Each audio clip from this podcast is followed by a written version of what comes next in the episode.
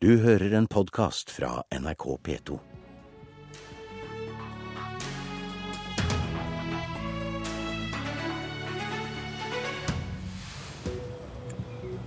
Blei Venstre og KrF lurt i asylsaka når det er Frp som jubler høgst? Politisk kvarter er i Tromsø.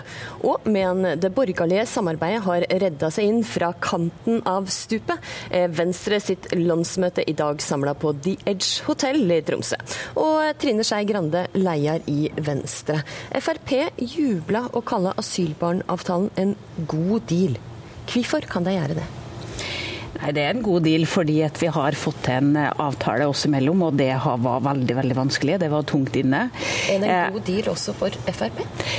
Jeg merker meg at eh, noen av dem som jubler nå, var dem som mente at var, det å hente barn var å stikke kniv i ryggen på dem. Eller noen av dem som jubler nå, er også de samme som fnøys av våre krav for noen uker siden. Det at de har behov for å rettferdiggjøre det de har gjort, det, det har jeg jo for seg forståelse for. Men vi er i hvert fall veldig fornøyd med at ungene blir henta, rettssikkerheten til barn styrkes, rettssikkerheten til barn som skal interneres, styrkes. Eh, det er veldig mange styrkinger, spesielt i forhold til barn, som har vært viktig til Venstre. og det er veldig mye av det som eh, i 183 dager har vært avvist som helt utenkelig fra Fremskrittspartiet, som de nå har satt navnet sitt. Men det har altså klart å få til en ny behandling for 60 barn. Men innstramminga som Frp fikk gjennom, kan gjelde tusenvis, sier Masiar Keshvari fra Frp. Og vi kan sende tilbake syriske flyktninger hvis det skulle bli fred i Syria. Det høres vel egentlig ut som Frp kan ha litt grunn til å juble også? Ja, Hvis Masiar Keshvari klarer å få til fred i Syria, så, så, går det an at han kanskje har rett. Jeg tror at dette er ganske litt desperat fra noen av Frp-representantene som gikk så høyt ut at de laga seg en egen veldig høy fallhøyde. Det du sier at de egentlig ikke har noen grunn til å juble i det hele tatt? Jeg sier at vi har en avtale som er veldig hardt balansert, eh, og at eh, dette ikke var noe, noe enkeltslag. Det at noen er desperat må rettferdiggjøre sine egne utsagn før etterpå, det får stå for dem sin regning. Er de gode til å spille skuespill? jeg har ikke noe lyst til å dele ut sånne Oscar-statuetter i politikk. Men, Nei, det eh, gjorde Abid Raja i Venstre, ja, stortingsrepresentant. Abid er mye bedre til å dele ut sånne statuetter enn meg. Eh, jeg skal bare si at vi fikk til en avtale der vi fikk henta barn tilbake. Eh, det er klart at det var, veldig, det var bare tre partier på Stortinget som mente det var en god idé. De tre partiene har ligget veldig langt under flertall. Det at vi nå fikk det til, er kjempebra, for da har vi brøtt i noen av de, de ja, maktstrukturene i Stortinget som handler om at alt skal være strengt på asyl. Men litt til grunnen til at Frp kaller dette for en god deal, er jo da at en, en eh, kan sende hjem igjen flyktninger som har vært i Norge ganske lenge. Var det, var det, vanskelig å svelge for Venstre? Ja, Det er sånn i dag. Det er ingen regelendring. Men det, er jo ikke en praks, det blir jo ikke praktisert? Eh, det blir ikke satt av penger til den type gjennomgang. Men det er sånn, hvis det blir fred i Syria Eh, hvis det blir fred på Afrikas Horn, hvis presteregimet i Iran faller, eh, hvis vi sørger for at alle borgerkriger i Norge i verden plutselig forsvinner, ja, så, så, kan du foreta sånne nye vurderinger.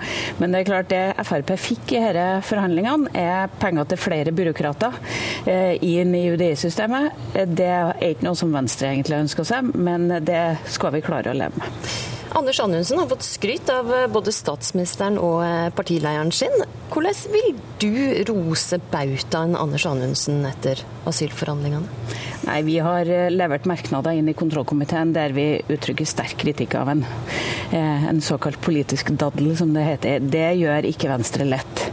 Det er en veldig alvorlig ting vi mener det statsråden har gjort. Han har feilinformert Stortinget. og det eneste som taler til hans fordel, er at han sa unnskyld. Nå har vi også sørga for at han også ordner opp i det han gjorde feil.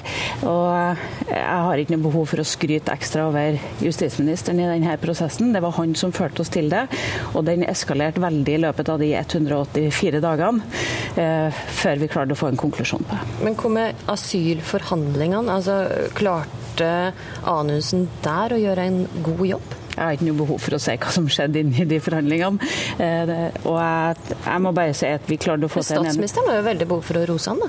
Ja, Den jeg har behov for å rose de siste dagene, var statsministeren som klarte å skjære gjennom og klarte å få til en, en løsning på en veldig vanskelig situasjon. Men jeg har ikke noe behov for å rose justisministeren. Hvordan kommer dette her til å prege denne asylbarnsaken, til å prege dynamikken i firepartisamarbeidet? Dette er det vanskeligste feltet. Altså Når vi skal diskutere klima og miljø, eller vi skal diskutere skole- kunnskapssatsinga, så klarer vi å finne fram til, til gode løsninger. Ja, Sjøl når vi skal sette oss ned og diskutere bilavgifter, så klarer vi å få til et statsbudsjett der utslippene fra transportsektoren går ned. Eh, vi klarer å få alle andre enn de fossile drivstoffene til å bli billigere enn bensin og diesel. Det klarer vi når vi setter oss ned. og Det, det kan være tøffe tak, men da klarer vi å finne de gode vippepunktene. Men asyldelen er veldig krevende, fordi det er noen ytterpunktene som sitter rundt bordet. Trine Skei Grande, det er kanskje ikke så overraskende, men eh, du mener rett og slett at Erna Solberg gjorde ei tabbe da hun valgte regjeringspartner. Hun ville fått mer gjennomslag i befolkninga med Frp på utsida. Jeg tror at en, en blå-grønn regjering hadde vært mye mer populær. Eh, jeg håper at statsministeren merker seg at de gangene hun står på podiet sammen med oss og har gjort avtale med oss, så blir det mottatt bra.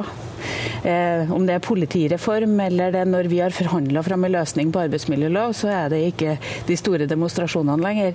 Eller når vi, vi setter oss ned og lager budsjett. De la fram et budsjett som det ble masse bråk om. Så forhandla de med oss. Og så ble det budsjettet ganske godt mottatt. I alt fra miljøbevegelse til dem som er opptatt av de aller svakeste i samfunnet, til å få til de viktige satsingene framover. Eh, og jeg håper jo at hun merker seg det. Men håper du at Frp kommer til å resignere fra samarbeid? Jeg vet ikke hva den, Jeg forholder meg til den regjeringskonstellasjonen som er, og jeg forholder meg til at Erna valgte Fremskrittspartiet foran oss.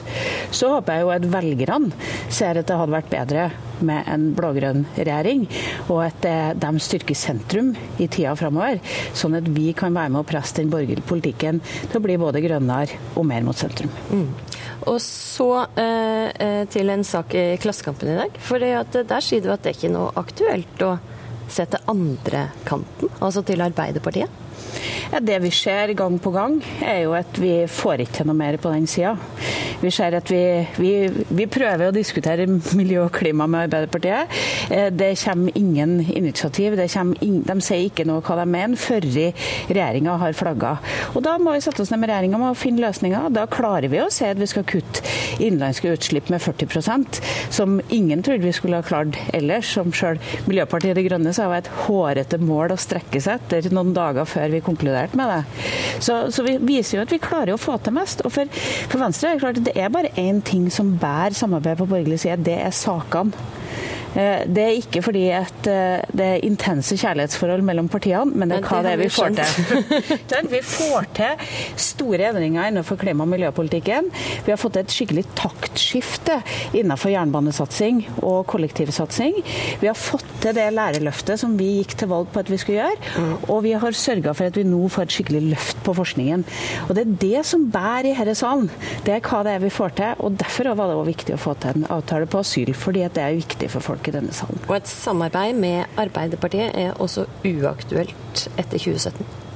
Det er det landsmøtet her som skal bestemme antageligvis neste år. Men eh, for Venstre er det sakene som er viktige. Og da går det ikke an å samarbeide med det partiet som nå er strengere enn Frp på asyl- og innvandringsfeltet. Det går ikke an å samarbeide med det partiet som ikke har sagt noen ting om hva de konkret vil gjøre på miljø- og klimasatsinga.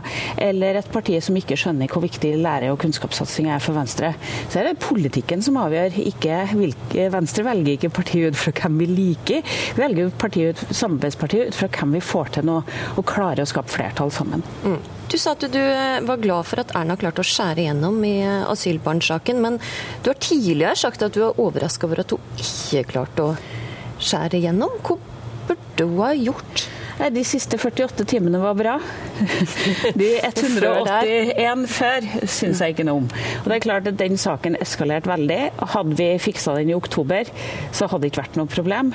Hadde vi fiksa den i november og desember, hadde det vært et lite problem, men det er ennå være et kjempestort problem.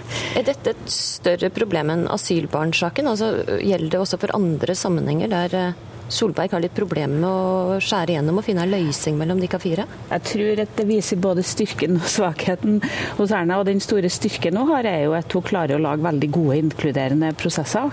Synes hun er en moderne kvinnelig leder på det. Og så ser vi at eh, dynamikken mellom de ulike partiene på å finne en løsning er veldig ulik. Eh, I Venstre hadde nok føltes bedre at vi har blitt ferdig tidligere, mens andre partier tror jeg også trives med å stå i de konfliktene. Eh, og det tror jeg nok er krevende å stå i for statsministeren. Tror du Frp trives med å stå i en konflikt med Dikan? Jeg tror at de trives med å lage det bildet som de nå holder på med det siste døgnet, av hva det er vi egentlig har blitt enige om. Eh, jeg tror at skal du bygge samarbeid over tid Kan dette fortsette? Eh, skal du bygge samarbeid over tid, så kan du ikke behandle samarbeidspartnere på den måten. Men jeg håper også statsministeren merker seg det. Hvordan skal du få til at det blir endring på dette? Nei, det får vi. Vi skal bygge de gode kulturene i Venstre. Vi skal vise hvordan vi klarer å samarbeide og få til saker. Vi skal ha fokus på hva det er vi får til, eh, og ikke ha fokus på det vi er uenige med eh, samarbeidspartnerne våre om. Klarer vi det, så tror jeg både man klarer å vinne et valg på borgerlig side om to år. Eh, men vi klarer også å få til mye bra politikk for, for Norge. Mm. Vi får ønske dere lykke til med det. Da skal vi ta en eh, kommentator i NRK, Lars Nehru Sand. Men må først litt tilbake til start her. Blei KrF og Venstre lurt?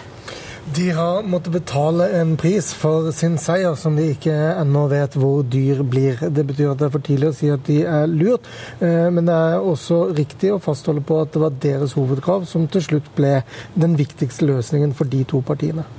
En redda da kanskje 60 barn, som får i hvert fall ny behandling av sine søknader, men må gå med på innstramminga som vil ramme tusenvis, hevda Masiar Keshvari i Frp.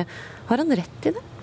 Det kan han ha, men han må også være klar over at det første av de 1000 barna, eh, eller 1000 sakene, vil bli prøvd eh, ganske hardt juridisk. Eh, det vil være vanskelig for Norge å bevise at den første saken hvor, hvor den tilknytningen til riket er så dårlig at man kan sende noen tilbake bare fordi situasjonen i hjemlandet er endret, det vil bli prøvd til aller høyeste hold, er det grunn til å tro.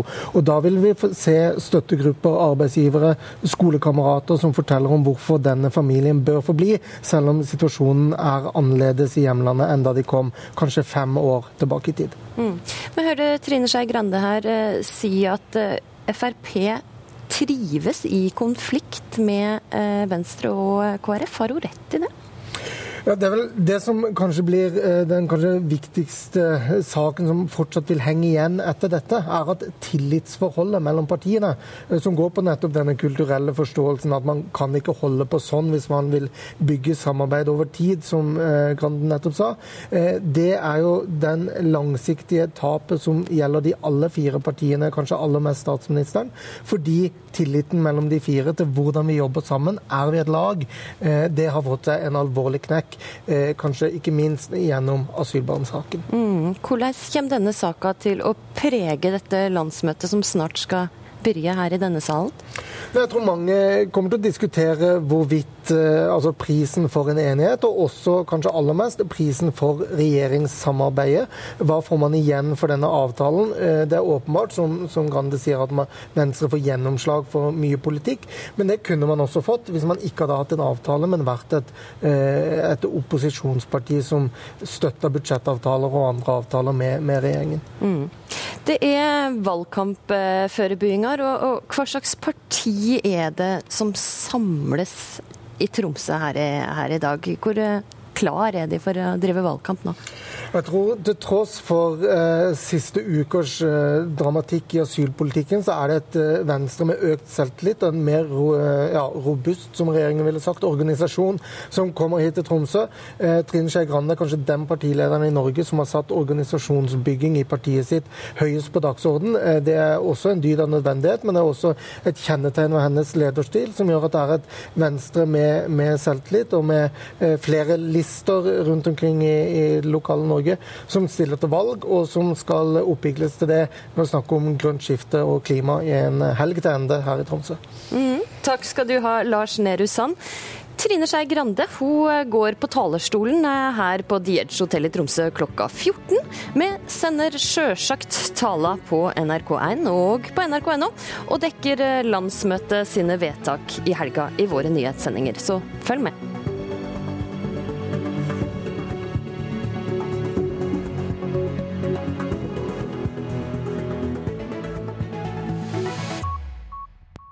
Du har hørt en podkast fra NRK P2.